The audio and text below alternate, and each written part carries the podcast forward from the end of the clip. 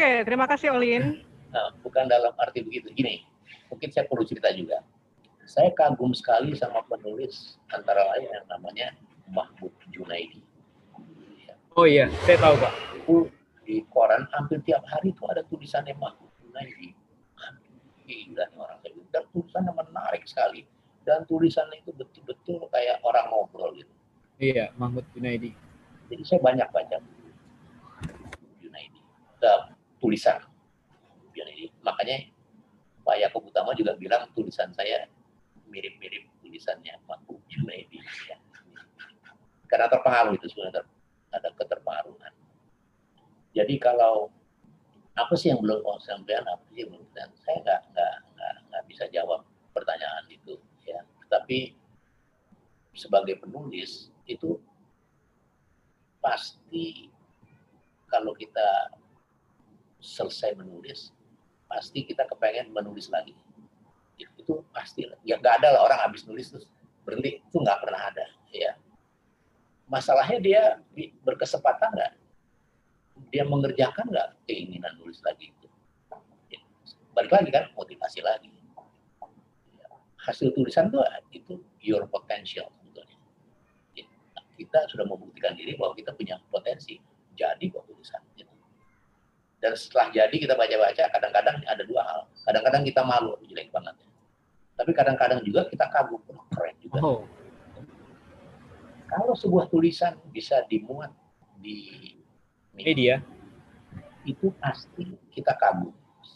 Pastilah ya. Karena di media itu disejajarkan dengan tulisan-tulisan lainnya perlu juga ada foto kagum mekanisme ya kita kagum sama diri sendiri oh keren perlu Pasti. itu ya pak ya Oke. Okay. Karena itu adalah motivasi. Itu memotivasi kita. Kita bikin lagi yang lebih keren lagi. Oke. Okay. Ya. Itu bergulir. Bobby kan kadang-kadang dia kagum sekali dia bisa bikin buku Bu Susi. Keren banget gimana. Itu yang yang nulis Bu Susi itu kan keren banget. Dia suka kagum juga sama diri sendiri. Saya kagum nulis buku Cepi Hakim lah gitu. Penasaran. Bikin lagi buku Pak Mustafa. Apa pun, tiap orang punya punya passion sendiri. Kalau gue pengen biografi, itu itulah motivasi kan. Jadi uh, saya juga pasti maksudnya jangan jangan kita terganggu dengan keinginan kita yang ketinggian sampai kita hanya ingin doang yang lebih baik mengerjakan aja dan it's depend on your mind jadi sebenarnya oke okay. pikiran baik pak berikutnya uh, Abi ada pertanyaan Bi Nah, silakan silakan. Udah senyum-senyum nih pertanyaan. Iya, dari jauh nih Pak, dari Malang nih Pak. Tadi Owi Aolin dari Stella Dus Jogja, sekarang dari Malang. Bi, ah, silakan Bi. Nah, saya di Stella aja. Ya.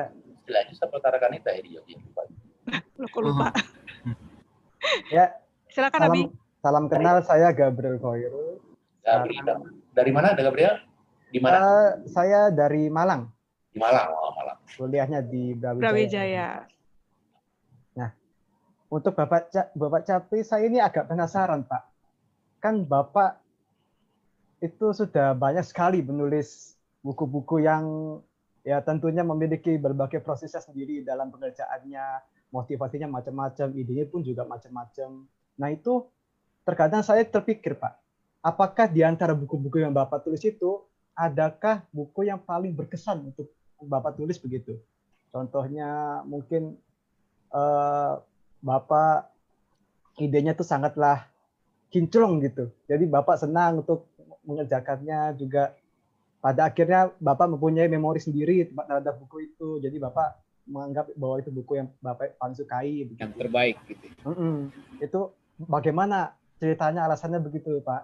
Nah terus pertanyaan yang selanjutnya ini sebenarnya agak nyambung juga. Kalau tadi saya bertanya tentang uh, buku yang paling Bapak sukai, nah saya juga penasaran lagi, apakah Bapak itu punya buku yang mungkin ada Bapak punya penyesalan untuk oh, menulisnya begitu, Pak? Oh. Jadi Kalau mungkin... mahasiswa nanyanya berat nih ya.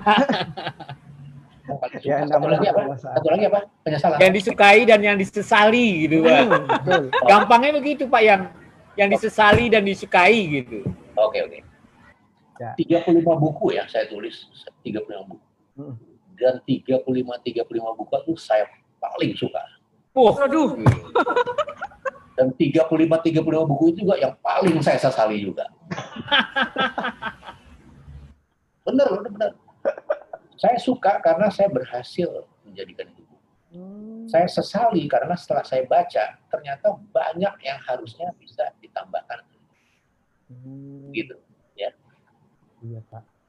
Jangan tersinggung ya, jangan kecewa dengan pertanyaan ini. Saya jelasin sekarang. Sekarang saya jelasin. Buku-buku saya itu pada umumnya hanya di bidang pertahanan, di bidang penerbangan, dan leadership. Plus features atau personal interest, human interest. Cuma tiga blok itu aja sebenarnya. Ya. Saya nggak mau jauh atau lebih lebar lagi karena yang saya nggak kuasai saya nggak bisa tulis. Iya. Itu bidangnya. Sekarang bukunya sendiri. Buku saya yang benar-benar buku itu cuma beberapa buku. Ya. Nggak lebih dari 10, nggak sampai 10 buku saya yang benar-benar buku itu nggak sampai 10. Yang lainnya tuh buku kumpulan artikel. Di awal tadi sudah saya katakan bahwa tulisan saya itu tulisan-tulisan ringan, ya tulisan-tulisan populer, tulisan-tulisan untuk orang kalau lagi terbang jauh dia bisa baca-baca atau di kereta api dia baca-baca ringan. Saya lebih suka memang tulisan-tulisan kumpulan artikel ini karena apa? Karena teman-teman saya itu orang males semuanya pada umumnya. Jadi kalau saya baca kalau saya buku dia pasti eh, nggak akan baca buku itu. Eh, Dia baca al- ah, kalau dia baca buku juga tuh ngacak semuanya.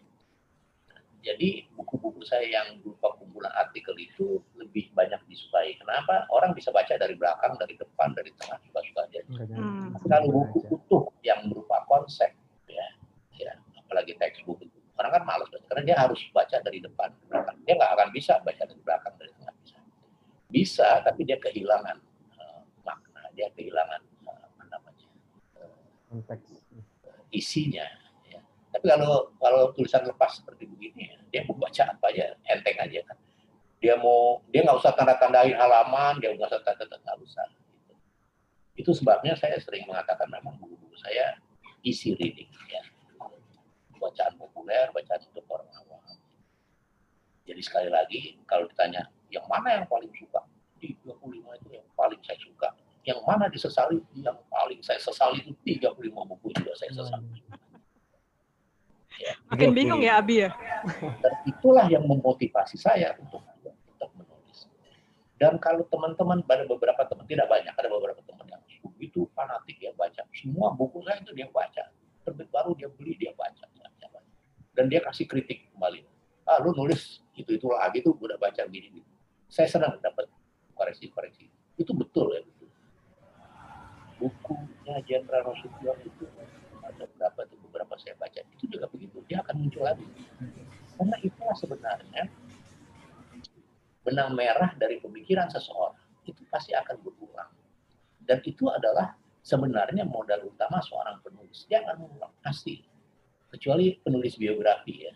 Mungkin dia tidak mengulang tetapi ada benang merah di, di mana dia juga akan mengulang eh, beberapa persepsi personal perception dia terhadap orang itu pasti. Dan itu penulis dan ini nggak akan diketahui kalau orang nggak menulis banyak nggak- dia nggak akan menyadari. Dan nggak usah juga dikhawatirkan dan nggak usah juga kecewa dengan itu. Nggak ada masalah. Penulis penulis Oke. banyak tulisannya itu pasti ada tendensi ada tren mengulang karena idenya. Sorry ya silakan Bob. Mbak, ada pertanyaan dari teman-teman selain Olin dan Abi Iya, yang mau dilontarkan? terima kasih tadi buat Abi atas pertanyaannya ya. Walaupun gimana Jawaban. puas atau tidak. Jawabannya kayak begini. Bi, karakternya Pak Cepi itu gitu, bikin bingung orang gitu. Maka saya udah hafal sih sebenarnya. Siap, siap. Ya, silakan Pak Manda. itu anda bingung anda mendapat suatu hal yang baru Siap. Ya itu Oh kebingungan kan, itu bikin sendiri. bingung lagi kan? Anda Ya bingung, itu kebingungan itu sendiri. kalau anda nggak bingung Oke, apa?